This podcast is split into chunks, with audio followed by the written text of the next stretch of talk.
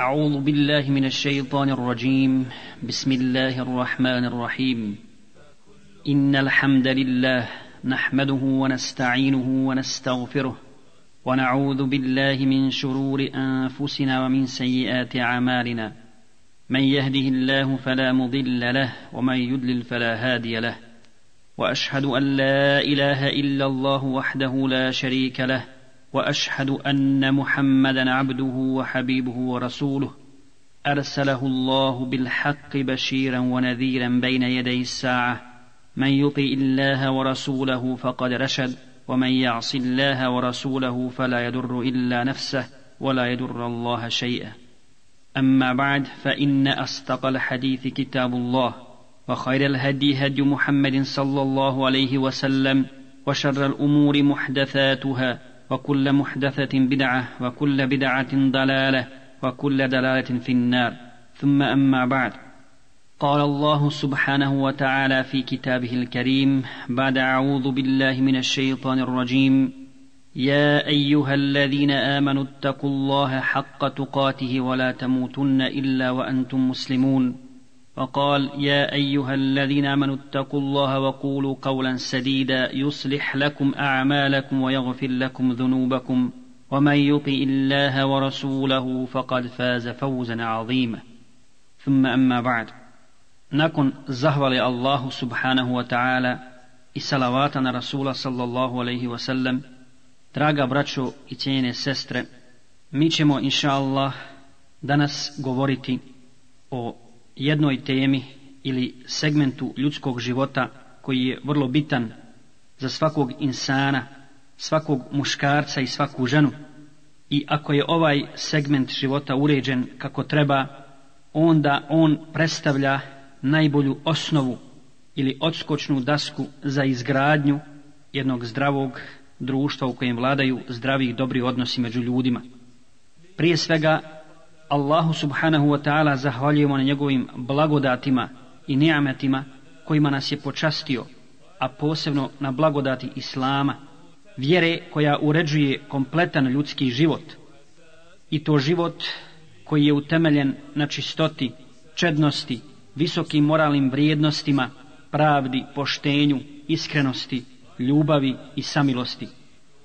Mi ćemo dakle danas govoriti o islamskom braku, odnosno govorit ćemo o umješnosti i sposobnosti rada i saradnje bračnih drugova jednih sa drugim. Prije svega govorit ćemo o umješnosti saradnje sa ženom kao suprugom, jer je to vrlo važna tema, a kako i ne bi bila, kada se na njoj zasniva i počiva veliki temelj koji se zove brak. Brak je, braćo i sestre, riječ za kojom žudi srce i na kojoj se rasprostranjuju prsa i smiruje ljudska duša. I to je jedna od najvećih blagodati koju je Allah Đelešanuhu podario ljudima.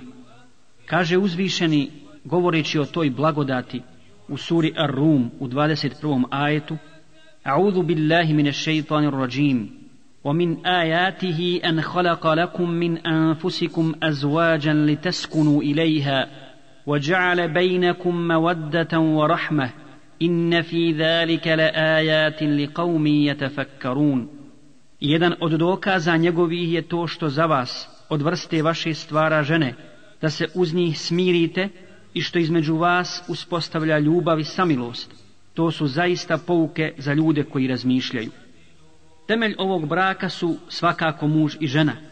Allah subhanahu wa ta'ala je spojio njihova srca i uspostavio ljubav i samilost, sigurnost i smirenost, rahatluk i zadovoljstvo, prisnost i sreću u takvom braku. Allah Đelešanuhu je odredio da muž bude na čelu ove institucije koja se brakom zove. Kada je objavio Ar-Rujjalu qawwamuna 'ala an-nisa' muškarci vode brigu o ženama. Sura An-Nisa, 34. ajet. I ovaj govor danas prvenstveno je upućen vlasnicima ili vlasniku ove uslovno rečeno kraljevine u malom. Jeste muž je vladar, u istinu vladar u svojoj porodici. Zato ti koji si vladar u svojoj porodici, ako želiš sreću svojoj kraljevini i svom posjedu koji ti je Allah Đalešanuhu podario, i ako želiš duševno zadovoljstvo, smirenost, sreću, moraš učvrstiti vlast i moraš se brinuti o ovom posjedu sa svim ruknovima, šartovima koje je šerijat odredio. Neka su se braća žalila na stanje u svojim brakovima, žalila se na svoje žene, inače danas ovi bračni problemi su masovna pojava. Neka braća govore i kažu, kad se žale na te probleme, ja još nisam osjetio sreću i zadovoljstvo sa svojom ženom, a živim toliko i toliko godina sa njom u braku. Ona me izaziva svojim stalnim izlascima, zijaretima, ubi me svojim stalnim zahtjevima. Život mi je dodijao zbog stalnog odvajanja u postelji radi problema u braku. Ne brine se o djeci kako treba i njihovom odgoju. Nikada od nje nisam čuo lijepu riječ i mnoge druge priče i prigovore, kao da su svi problemi i sva krivica na ženi. Svaki problem čovjek kao muž pripisuje toj zatočenici u njegovoj kući, a sebe opravdava i brani. Ispravan odgovor braćo i sestre na ovo pitanje i sve primjedbe ne možemo dobiti ako se ne vratimo Kur'anu i sunnetu Rasula sallallahu alaihi ve sellem, ako se ne vratimo Allahovoj objavi, to jest Allahu subhanahu wa ta'ala koji je stvorio muškarca i ženu i odlikovao svako od njih određenim osobenostima i vrijednostima koje dopunjavaju jedno drugo. Zatim, razmišljajući o svemu ovome, lahko je zaključiti da su uzrok problema podjednako i muškarac i žena, jer svako od njih ima svoju narav, svoje težnje, svoje želje i tako dalje. A bračna zajednica kao takva, odnosno bračni život, mora biti u znaku pomaganja, međusobne saradnje, međusobnog slaganja i prijateljstva, ljubavi i odanosti. I osnovno pravilo za postizanje sreće u braku i harmonije jesu riječi Rasula sallallahu alaihi ve sellem koje treba dobro da zapamtimo i razumijemo. Kaže poslanik sallallahu alaihi ve sellem Kullu beni Ademe hatta'un wa khayrul hatta'ina tawwabun Svaki sin Ademu, to jest svaki čovjek, muškarac i žena griješe, a najbolji griješnici su oni koji se kaju. I riječi Abu Zarra, radijallahu ta'ala njegovoj ženi, kada je rekao, kada me vidiš srditog, neraspoloženog, pokušaj me oraspoložiti, a kada ja tebe vidim ljutu i neraspoloženu, ja ću pokušati da te razveselim. U suprotnom, nećemo moći živjeti zajedno. Ako ovo shvatimo, braćo i sestre, bit će nam jasno da su uzrok svih problema u braku oba dvoje. Dakle, par, muškarac i žena, odnosno muž i supruga. Zato ćemo govoriti i mužu i ženi. A danas ćemo posebno govoriti o dužnostima muža prema suprugi, odnosno prema ženi. Zašto govorimo i zašto se obraćamo prije muževima nego ženama? Postoje tu tri razloga. Prvo, zato što muškarci kao muževi nose veću odgovornost i što imaju neke kvalitete i vrijednosti koje žene nemaju, kao što je sabur. Dakle, spremni su da osaburaju i da otrpe određene probleme kada se oni pojave. Drugo, zato ako čovjek upozna i nauči kako će raditi sa ženom i postupati ispravno, onda je ključ sreće u njegovim rukama. Treće, zato što se čovjek brine o svojoj ženi i on je glava porodice, on je onaj koji naređuje i zabranjuje. U njegovoj kraljevini to nema niko drugi pravo. Hoćemo na početku da spomenemo jednu važnu stvar i da postimo jedno pitanje. Kako to odnos i saradnja sa suprugom, sa svojom ženom može biti umjetnost?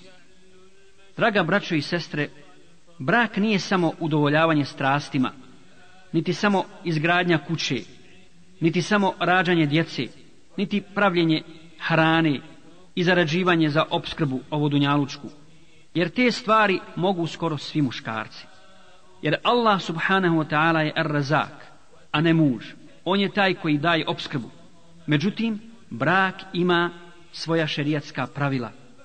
Postoji lijep odnos koji treba da se izgradi u toku bračnog života. Žena ima svoja prava po šerijatu, a također i dužnosti i obaveze. Također muškarac ima svoja prava i svoje dužnosti u braku na osnovu Kur'ana i sunneta Rasula sallallahu alaihi ve sellem. I svaki čovjek kao muž mora dobro upoznati svoja prava i obaveze vezane za brak. I zato ovu umjetnost ili umješnost rada sa ženom nećemo uzeti od bjelosvjetskih umjetnika i umjetnica, niti iz američkih, niti europskih filmova. Ovu umjetnost i umješnost rada sa ženom uzet ćemo od Muhammeda sallallahu alaihi ve sellem. Život našeg poslanika Muhammeda sallallahu alaihi ve sellem, braću i sestre, u braku vrhunac je sreće, zadovoljstva i onaj ko proučava i čita o životu Rasula sallallahu alaihi wasallam kao muža i njegovom odnosu prema njegovim ženama, naći će veličanstvene primjere ljubavi, samilosti, pažnje, razumijevanja, pomaganja, opraštanja, nježnosti, osjećajnosti i tako dalje. Zato Allah subhanahu wa ta'ala naređuje ženama poslanika Muhammeda sallallahu alaihi ve sellem da nas obavijeste o svim stvarima koje se dešavaju u kući Resula sallallahu alaihi ve sellem. Makar se radilo o najintimnijim stvarima iz njegovog bračnog života. I kaže uzvišeni وَذْكُرْنَ مَا يُتْلَى فِي بُيُوتِكُنَّ مِنْ آيَاتِ اللَّهِ وَحِكْمَ I kazujte ajete koje učite u vašim kućama i hikme i mudrost koja se kazuje u vašim kućama, koja se dešava u vašim kućama, a to je sunnet Rasula s.a.v. odnosno život poslanika s.a.v. s vama u vašim kućama. Ovo je Allahova naredba da spomenu i da govore o svemu što se dešava u kući Rasula sallallahu alaihi ve sellem. Zašto? Zato što je Rasul sallallahu alaihi ve sellem nama uzor. Laqad kana lakum fi rasulillahi usvatun hasana. vi u Allahovom poslaniku imate najbolji uzor i mi se moramo vratiti njegovom sunnetu njegovoj siri i upoznati istinski život utemeljen na poslanstvu za sve stvari koje su vezane za dunjaluk a takođe i za brak i vallahi braćo i sestre ljudi općenito a muslimani posebno nisu upali u ove silne probleme, osim zbog njihovog udaljavanja od Allahove knjige i sunneta Rasula sallallahu alaihi wasallam. Kaže Allahu poslanik, لقد تركت فيكم أمرين إن تمسكتم بهما لن تضلوا بعدي كتاب الله وسنتي Ja sam vam ostavio dvije stvari. Ako ih se budete držali, nećete nikada zalutati poslije mene. To je Allahova knjiga i moj sunnet. To jest suprotno od toga, ako ih ostavite, sigurno ćete zalutati. I imat ćete velike probleme. Snosit ćete posljedice ostavljanja Allahove knjige i okretanja leđa Allahove knjizi i životu po mom sunnetu. Dakle, ako napustite taj život i taj način života na koji sam vas ja upozorio, to je poruka ovog hadisa, onda ćete sigurno zalutati i nećete se moći snaći u ovoj životnoj džungli na Dunjaluku. Povodi za ovu temu su sljedeći. Prije svega, objašnjenje islamskog braka i odnosa prema ženi, njenim pravima, zatim obaveze prema njoj, koje ne poznaju mnogi ljudi koji žive u islamu. I ovo je prije svega savjet svima nama da izvučemo pouku i poruku iz hadisa, odnosno prakse našeg poslanika Muhammeda sallallahu alaihi ve sellem, kako bi naš bračni život učinili što srećniji. Drugo, navešćemo primjere lošeg odnosa prema ženi kao suprugi i upozoriti na njih. I nikada nećemo reći kad je u pitanju žena kao što je rekao jedan pjesnik. Dakle, mi kao muslimani nećemo nikada tako govoriti o ženi, a on je rekao sljedeći. Žene su šeitani koje su stvoreni za nas i utječem se Allahu od zlatih šeitana. One su osnov svih belaja i nesreće koji su se pojavili na zemlji vezanih za dunjaluk i za ahiret. već ćemo kazati ono što je rekao islamski pjesnik odgovarajući ovoj neznalici od čovjeka, žene su bosiljci stvoreni za nas i nema ni jednog čovjeka, a da ne žudi da pomiriše taj bosiljak. Sljedeći razlog što govorim o ovoj temi je taj što se mnoge žene također žale na loš odnos muževa prema njima i njihov loš ahlak, tako da ne samo da nije isključeno, već je redovna pojava udaranje, omalovažavanje, vrijeđanje, ponižavanje i razne druge stvari koje ne bi smjele da se dešavaju u našim brakovima.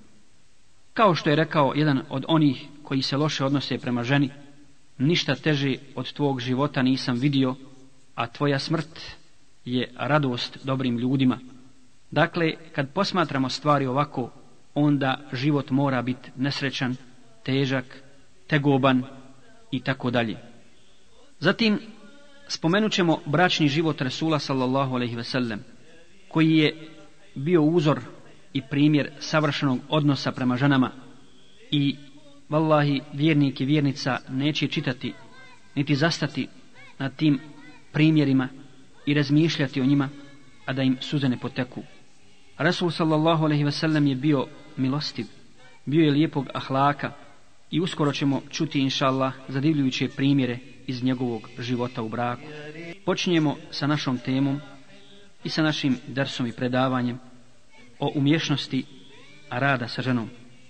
To su prije svega metodi i sredstva koja upotrebljava čovjek u braku sa svojom ženom kako bi našao mjesto u srcu svoje žene i kako bi brak bio srećan i uspješan. Prvi metod koji želimo spomenuti danas jeste ljubaznost i nježnost prema ženi. I ovdje prije svega mislim na nježnost muškarca prema ženi. I nemojte se čuditi ovom govoru i ovim riječima. Jeste, nježnost i ljubaznost su najbolji metodi u odnosu prema ženi.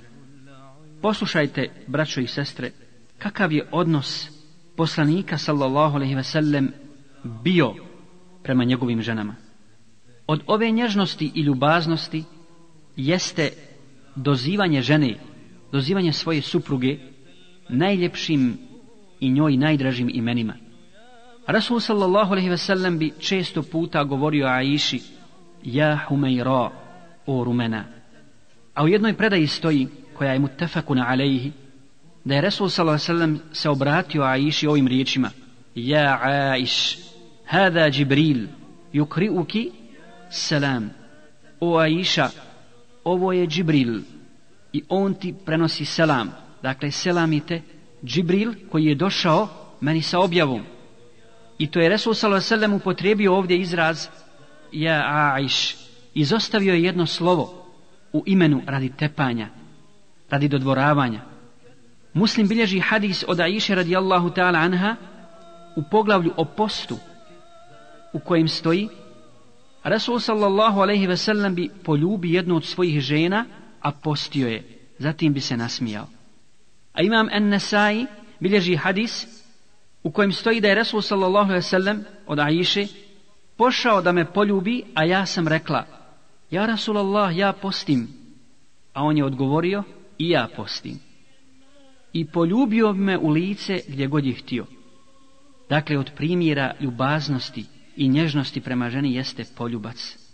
Poljubiti svoju ženu iz poštovanja prema njoj. Ovo nije poljubac koji je produkt obične strasti i užitka.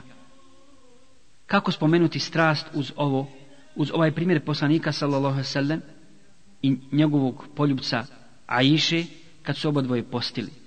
Ne, već je to znak pažnje i ljubaznosti prema ženi, kao suprugi.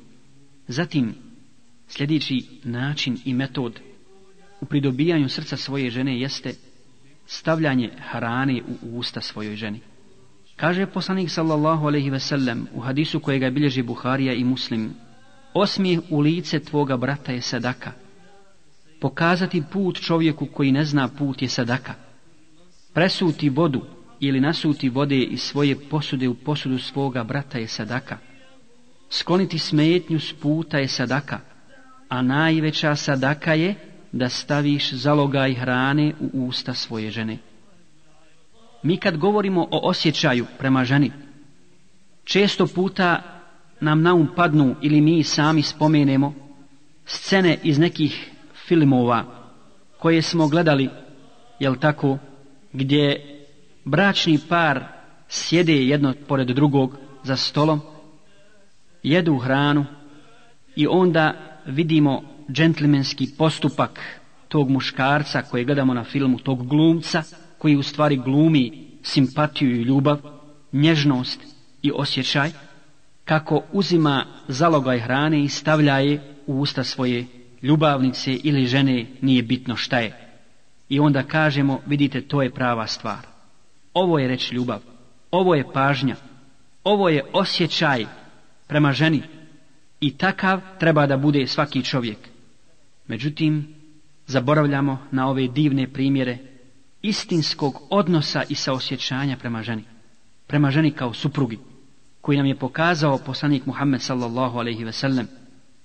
I kaže imam nebavi, ovo stavljanje hrane u usta ženi biva najčešće u šali kao znak udvaranja i želje duše za tim udvaranjem.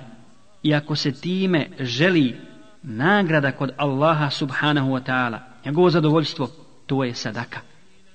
Ima muslim bilježi hadis od Ebu Zarra, da je rekao Rasul sallallahu alaihi sallam, وفي بضع budai ahadikum. I u odnosu jednog od vas sa svojom ženom je također sadaka. Pa su rekli, ja Rasulallah, zar kad nekom od nas se pojavi strast i želja da udovolji svom seksualnom nagonu sa ženom, zar će ima za to nagradu? A Rasul sallallahu alaihi sallam kaže, zar ne, ako bi to uradio na haram način, sa ženom koja mu je zabranjena, bili bio kažen za to, pa su rekli svakako, e tako, kada to uradi na halal način, sa svojom suprugom, sa svojom zakonitom ženom, imaće nagradu za to. I ne samo to, nego danas nevjernici inače spočitavaju muslimanima nedostatak taktičnosti i osjećaja u svakoj situaciji, a također i u braku. Da bismo još bolje objasnili šta znači ta taktičnost, spomenut ćemo sljedeći slučaj vezan za život poslanika sallallahu alaihi ve sellem.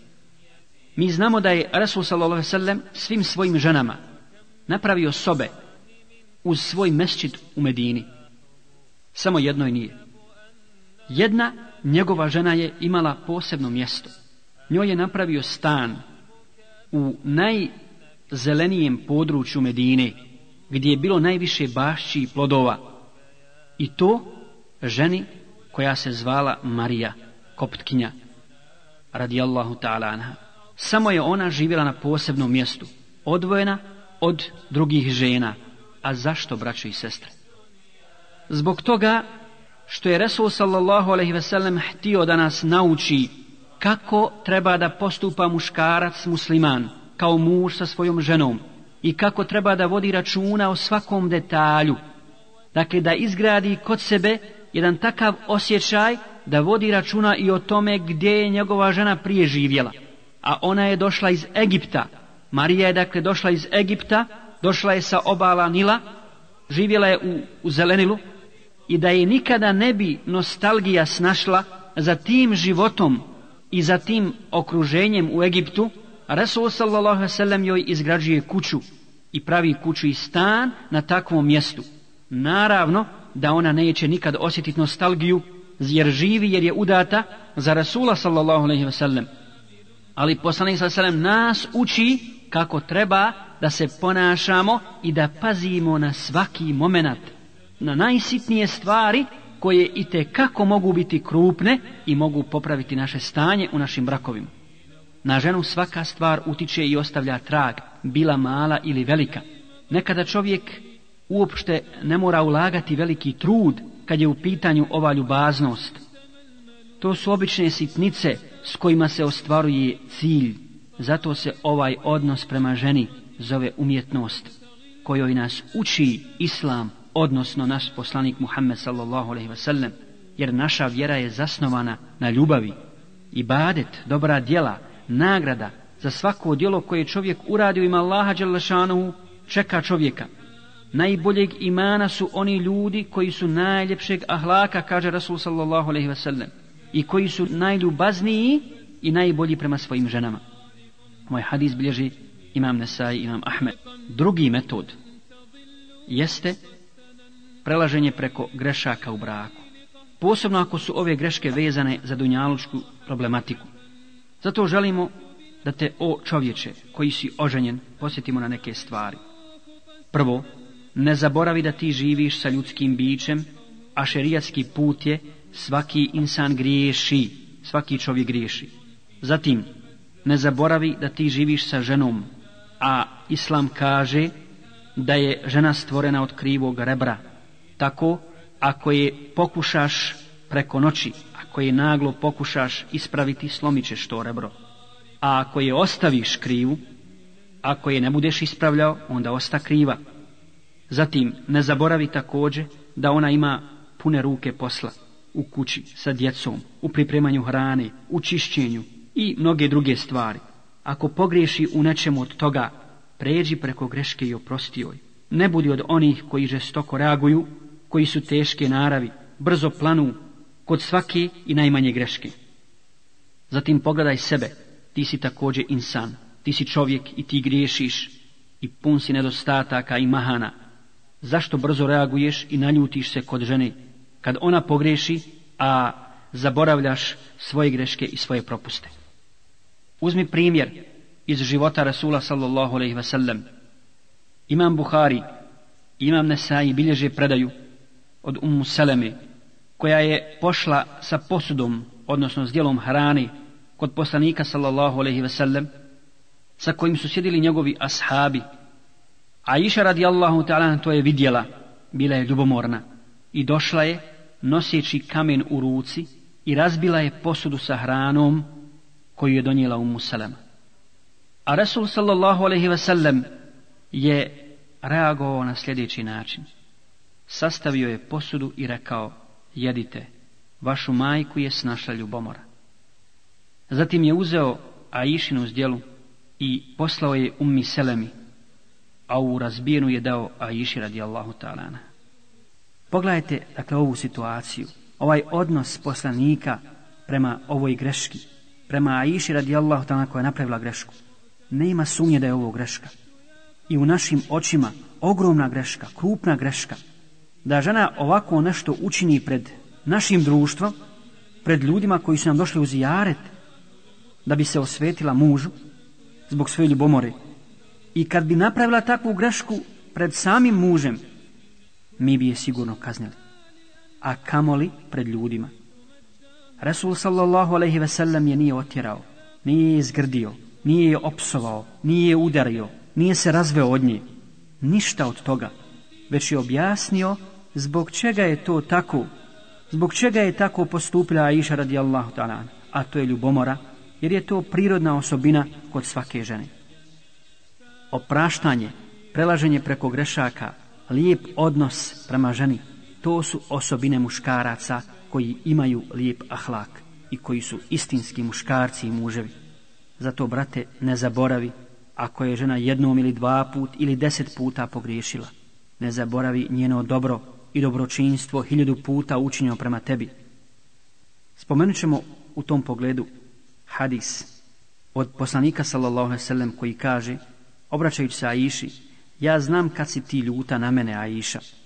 Aiša radijallahu ta'ala nam pita kako znaš kaže poslanik sallallahu alaihi ve sellem kad god si raspoložena u svom govoru kažeš tako mi gospodara Muhammedovog a kad god si ljuta na mene ili imaš nešto u svojoj duši protiv mene ili protiv mog odnosa prema tebi kažeš tako mi gospodara Ibrahimovog.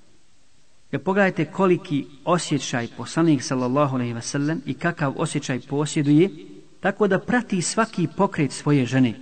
Ništa mu ne izostaje, ništa ne izostavlja i zna kad se ona naljuti, zna kad je ljuta, makar ne ispoljila tu svoju ljutnju.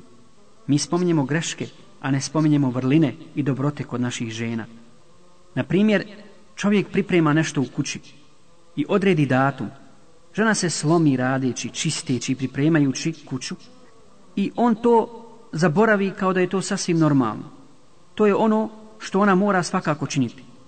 A kada samo grešku bilo kakvu napravi, mi reagujemo tako žestoko i ljutito kao da je propao svijet. Spominje se slučaj jedne beduinke koja je pričala sa svojim mužem u jednoj komotnoj atmosferi i kaže ona njemu ja ću sakupiti vune i opresti, zatim prodati i kupit ću devu za tu cijenu. A muž je onda odgovara i kaže ako kupiš devu ja ću je jahati, a ja ću biti onaj koji će je koristiti. Žena na to odgovara, ne nego ja ću jahati. I tako su se svađali i toliko su se svađali da je na kraju on nju razveo. Dakle, iz jedne bezazlene situacije, kada žena ima prijedlog da bi doprinijela nešto i ona za kuću, za brak, da bi raspoložila svoga muža, on reaguje kako ne treba i iz toga se rađa svađa koja na kraju porađa razvod braka. Tako isto ima muževa, danas ima braće koji toliko napuhuju problem, stvaraju problem i kad ga nema. Nije uopšte velik da na kraju dođe do razvoda braka. A taj razlog i problem nije ništa i ne vrijedi ništa i teško onome ko sruši dom i ko sruši porodicu zbog ovih sitnica. Prenosi se također da je Aisha radijallahu ta'ala anha jedan put bila ljuta na Resula sallallahu alaihi sallam i rekla je teške riječi. Rekla je e ente alladhi taz'umu annaka nabi. Jesi li ti onaj koji smatra sebe poslanikom? Subhanallah. Šta je uradio Resul sallallahu alaihi wa sallam?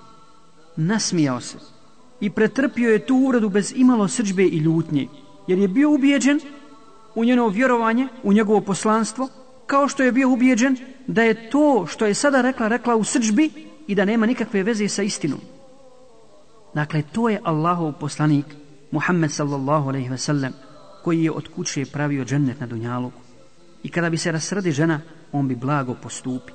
Tako treba da postupaju bračni drugovi, muslimani i muslimanke, jer je stanje srđbe poput stanja pijanstva u kojem čovjek ne zna šta govori i šta čini i moramo biti svjesni toga. Zatim, treći metod u radu sa ženom i pridobijanju njenog srca, njene naklonosti, njene ljubavi braćo, jeste ukrašavanje i mirisanje i uljepšavanje svojoj ženi. Što se tiče ovog uljepšavanja i ukrašavanja za muškarce, ono ima šerijatske granice i mnogi ljudi idu u dvije krajnosti kad je ovo u pitanju. Neki pretjeruju u uljepšavanju, pa naravno misle da je uljepšavanje ženi brijanje brade e, i tako dalje. Drugi ostavljaju sve to i ne vode računa ni o odjeći, ni o bradi, ni o kosi, ni o mirisima, niti o svom izgledu uopšteno, tako da njihove vlastite žene preziru takve postupke, a može to često puta biti i razlog napuštanja muža. I onda kad se desi problem, onda se čovjek uhvati za glavu i kaže, zaista je bez razloga otišla iz kuće i bez razloga pravi problem. Jasno je da i žene u ovom pogledu mnogo uskraćuju muževima. Ali i to njihovo uskraćivanje je gore i opasnije. Ali mi danas govorimo o muževima i kažemo da je jedno od uspješnih sredstava u spajanju dva srca ukrašavanje i uljepšavanje svojoj ženi. Upitana je Aisha radijallahu ta'ala anha šta je prvo radio Rasul sallallahu alaihi ve sellem kada bi uđi u kuću. Rekla je, počni bi sa misvakom. Rekli su neki, to je zbog toga što je Rasul sallallahu alaihi ve sellem želio da dočeka svoju ženu sa prijateljskim poljubcem. Dakle, kada bi dođi kući, upotrebi bi misvak i kada bi uđi u kuću, onda bi poljubi svoju ženu, a i ona njega. Kaže Ibn Abbas, ja se ukrašavam i mirišem svojoj ženi kao što se ona ukrašava meni.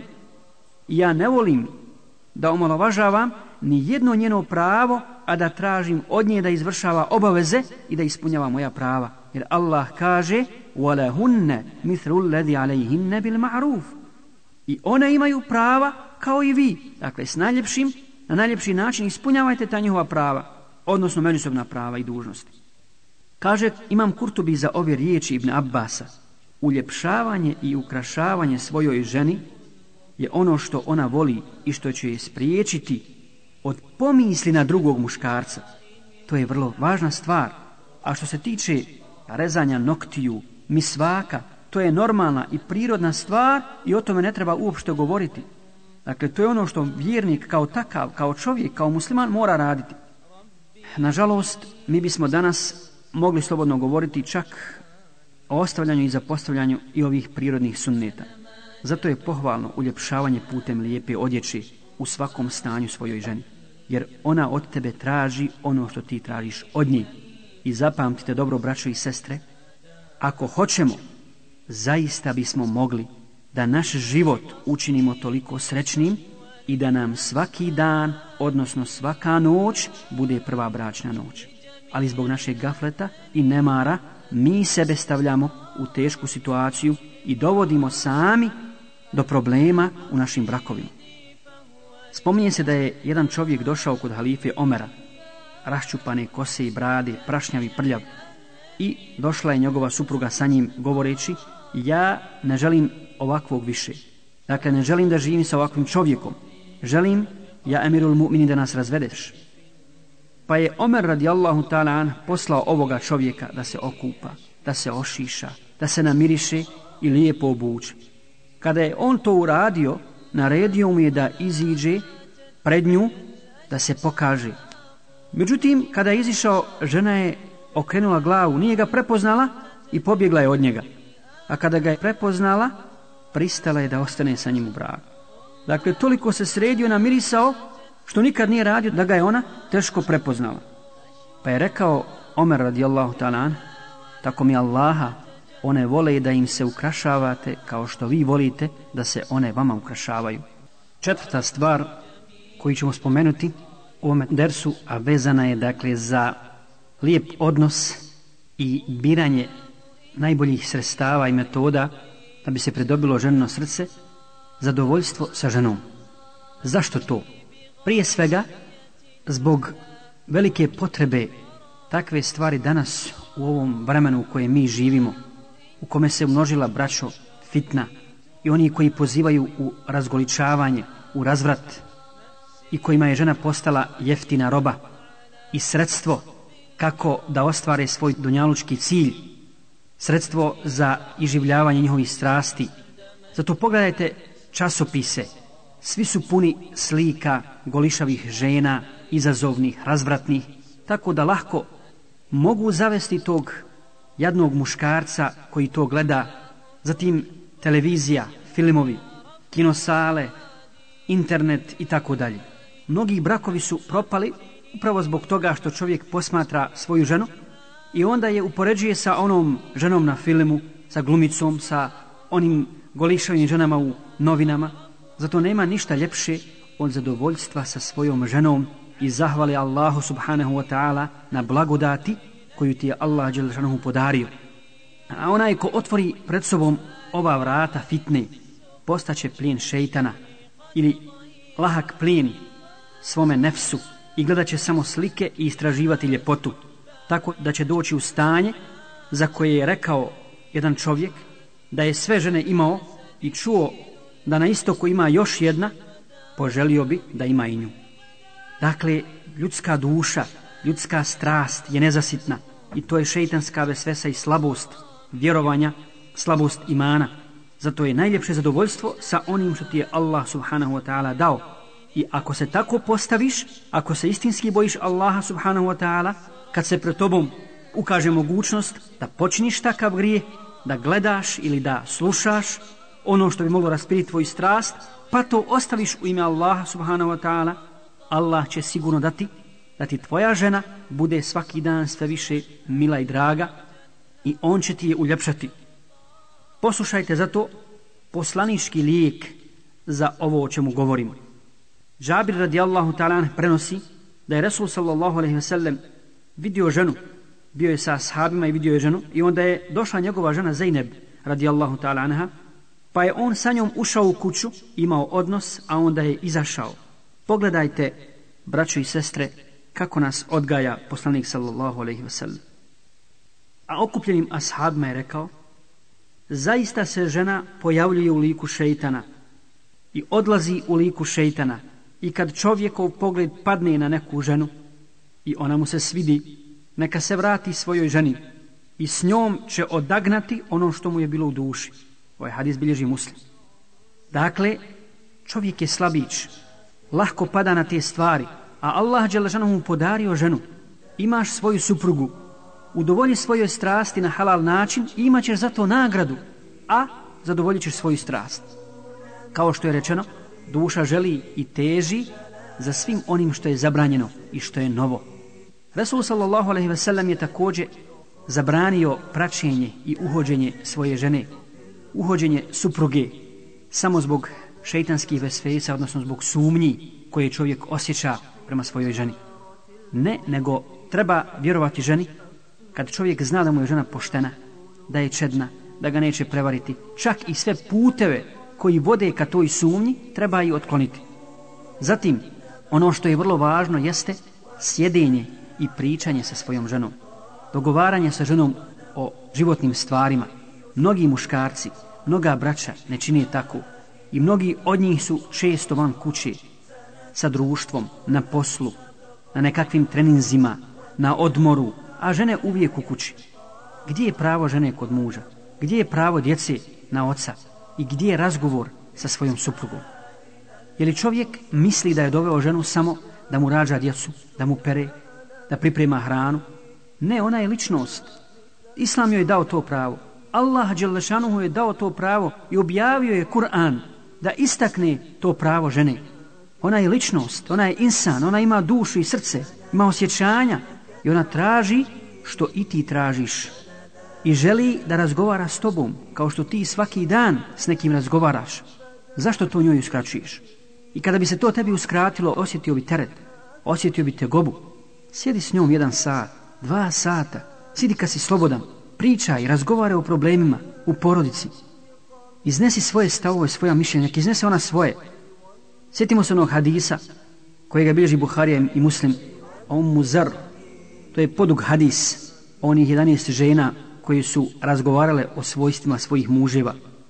I znamo u tom hadisu da jedna od tih žena, um muzar, spominje sve vrline svoga muža. Međutim, poslanik sallallahu alaihi sallam govoreći Aiši rekao joj jedan put Ja sam tebi kao Ebu Zer prema Ummu Zer. A Aisha radijallahu ta'ala rekla je šta? Tako mi Allaha ti si bolji prema meni nego što je Ebu Zer prema Ummu Zer. Dakle, dogovaranje sa ženom i traženje savjeta od nje kod žene budi osjećaj vrijednosti, poštivanja. Zato ne omalovažavaj njeno mišljenje nikada. Zašto se čovjek ne bi posavjetovao sa svojom suprugom? O nekim bitnim stvarima. Prvo, vidjet će ona na taj način da je on cijeni. Obavijestit će o svom stanju. Možda će njeno mišljenje biti dobro i možda će na osnovu toga riješiti neke probleme. Sjetimo se Hudejbije, i ugovora koji je poslanik sallallahu alejhi ve sellem potpisao sa mušricima. Kada je naredio poslanik sallallahu alejhi ve sellem ashabima da zakolju kurbane i obriju svoje glave, svi su odbili. Zašto? Osjetili su težinu. Osjetili su da je to nepravedno. Jer im je bilo žao da se vrate u Medinu. Nepravedno s mušičke strane. Govorili su poslaniku sallam da ne prihvata takav ugovor. Međutim, poslanik sallam je objavom dobio od Allaha Đalešanu naredbu da mora potpisati taj ugovor. I to je bila velika pobjeda za koju nisu znali ashabi tada, ali u tom trenutku oni se bune i neće da obriju svoje glavne zakolju kurbane. Poslanik sa Selem ljutit i srdit ulazi u šator umu Seleme, svoje žene, majke svih vjernika radijallahu ta'ala anha i kaže joj, ja umu Selema, šta zaslužuje narod, kakvu kaznu zaslužuje narod koji ne sluša svoga poslanika, A onda mu Ummu Selema kaže, Ja Rasulallah, učini ti to prvi. Ti prvi zakolji kurban i obri svoju glavu i nadam se da ćete oni poslušati. I poslanik sa selem sluša savjet svoje žene i kada je on to učinio, svi su ashabi za njim to učinili. Dakle, na prijedlog svoje žene on to čini. Zatim, sjetimo se života poslanika sam sa Hatidžom u toku objave i razgovor i dogovor sa njom koji je jačao iman i tu vezu i ljubav i poštivanje. Dolazi Hatidži, radijallahu ta'ala, ona ga tješi i govori mu, zaista si ti Allahov poslanik. I kada mu objava prestaje dolaziti, ona mu govori, ti si Allahov poslanik, Allah te neće izdati. Ti si dobar, pošten, iskren, pomažeš slabi, pomažeš sirotinju i tako dalje. Činiš dobročinstvo ljudima. Pomagala mu je u najtežim trenucima. Zato upozoravam braću da ne šute puno sa ženama. I kad izlaze iz kuće i kad ulaze u kuću, neka to bude u znaku lijepog i prijatnog razgovora, jer će se život pretvoriti u suprotnom, u monotoniju. I stal i uvijek poznate riječi, poštapali se, daj mi ovo, uzmi, donesi mi, jedi, pi, sjedi, idi od mene i tako dalje. Gdje je tu ljubav, gdje je tu nježnost, gdje je rahmet, subhanallah, gdje je lijep i ljubak govor i pohvala njene ljepote, o lijepom izboru žene, o divljenju njenoj odjeći, mirisu, o pohvali njenog truda i rada oko djeci u kući, e, ako studira na fakultetu i tako dalje. Zatim, ono što je vrlo važno jeste da ne stješnjavamo život našim ženama. Moramo ih razumjeti i moramo se mudro prema njima ponašati. Kaže poslanik sallallahu alejhi ve sellem u hadisu koji prenosi Buhurejre, oporučujte ženama dobro ili činite vašim ženama dobro, jer su one stvorene od krivog rebra. Ako ga naglo pokušaš ispraviti, slomićeš ga, a ako ga ostaviš, tako ostaće krivo. Dakle, ovaj hadis koji smo spomenuli na početku, koji mu tefak na alej. Neki kažu čak da je u ovom hadisu, neki islamski učenjaci, kažu da je u ovom hadisu i šaret ili aluzija, na to da se žena ostavi krivom u stvarima koji su dozvoljene. Ne možeš sve ispraviti. Insan je takav. I one stvari koje se mogu trpiti kao krive, neka i, nek stoje. A da se ne ostavlja krivom bez ispravljanja tamo gdje će počiniti grijeh ako to ne uradi, dakle, ako je ne pokuša ispraviti. U tome se krije, dakle, i politika rada sa ženom, da čovjek bude mudar, ustrajan, strpljiv i da istraje na tom putu, jer je on glava porodice. I od njega zavisi kako će teći, u većini slučajeva, dakle, od njega zavisi kako će se razvijeti i odvijeti situacija, odnosno život u braku. Oporučujem vam da lijepo postupate, kaže poslanik sa svojim ženama, jer one su kod vas zatočenice. Zato čovjek mora na najljepši način postupati sa ženom. Imam Nesai i bilježi od Enesa, radijallahu ta'ala, Resul sallallahu alaihi sallam bio sa Safijom na putovanju i to je bio njen dan. Poslanik sallallahu alaihi sallam je vidio kako plači. Vidio je Safiju uplakanu, pa joj je prišao i rekao zašto plačiš? Ona se žalila na to da joj je dao živahnu i nestašnu devu koja je brzo išla. Poslanik sallallahu alaihi sallam najljepši način je utješio. Obrisao joj suze sa njenoga lica. Međutim, Safija je odbila sve osim da plači. Bila je toliko uvrijeđena time da nije prestala plakat. Pa se naljutio poslanik sa veselem i otišao od nje.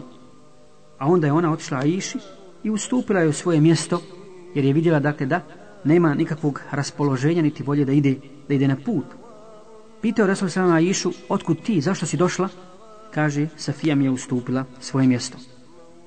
Ili slučaj sa Aišom također, koji bilježi i prenosi Numan ibn Bešir, da je došao Ebu Bekr i tražio izun kod poslanika sa selem da uđe u kuću.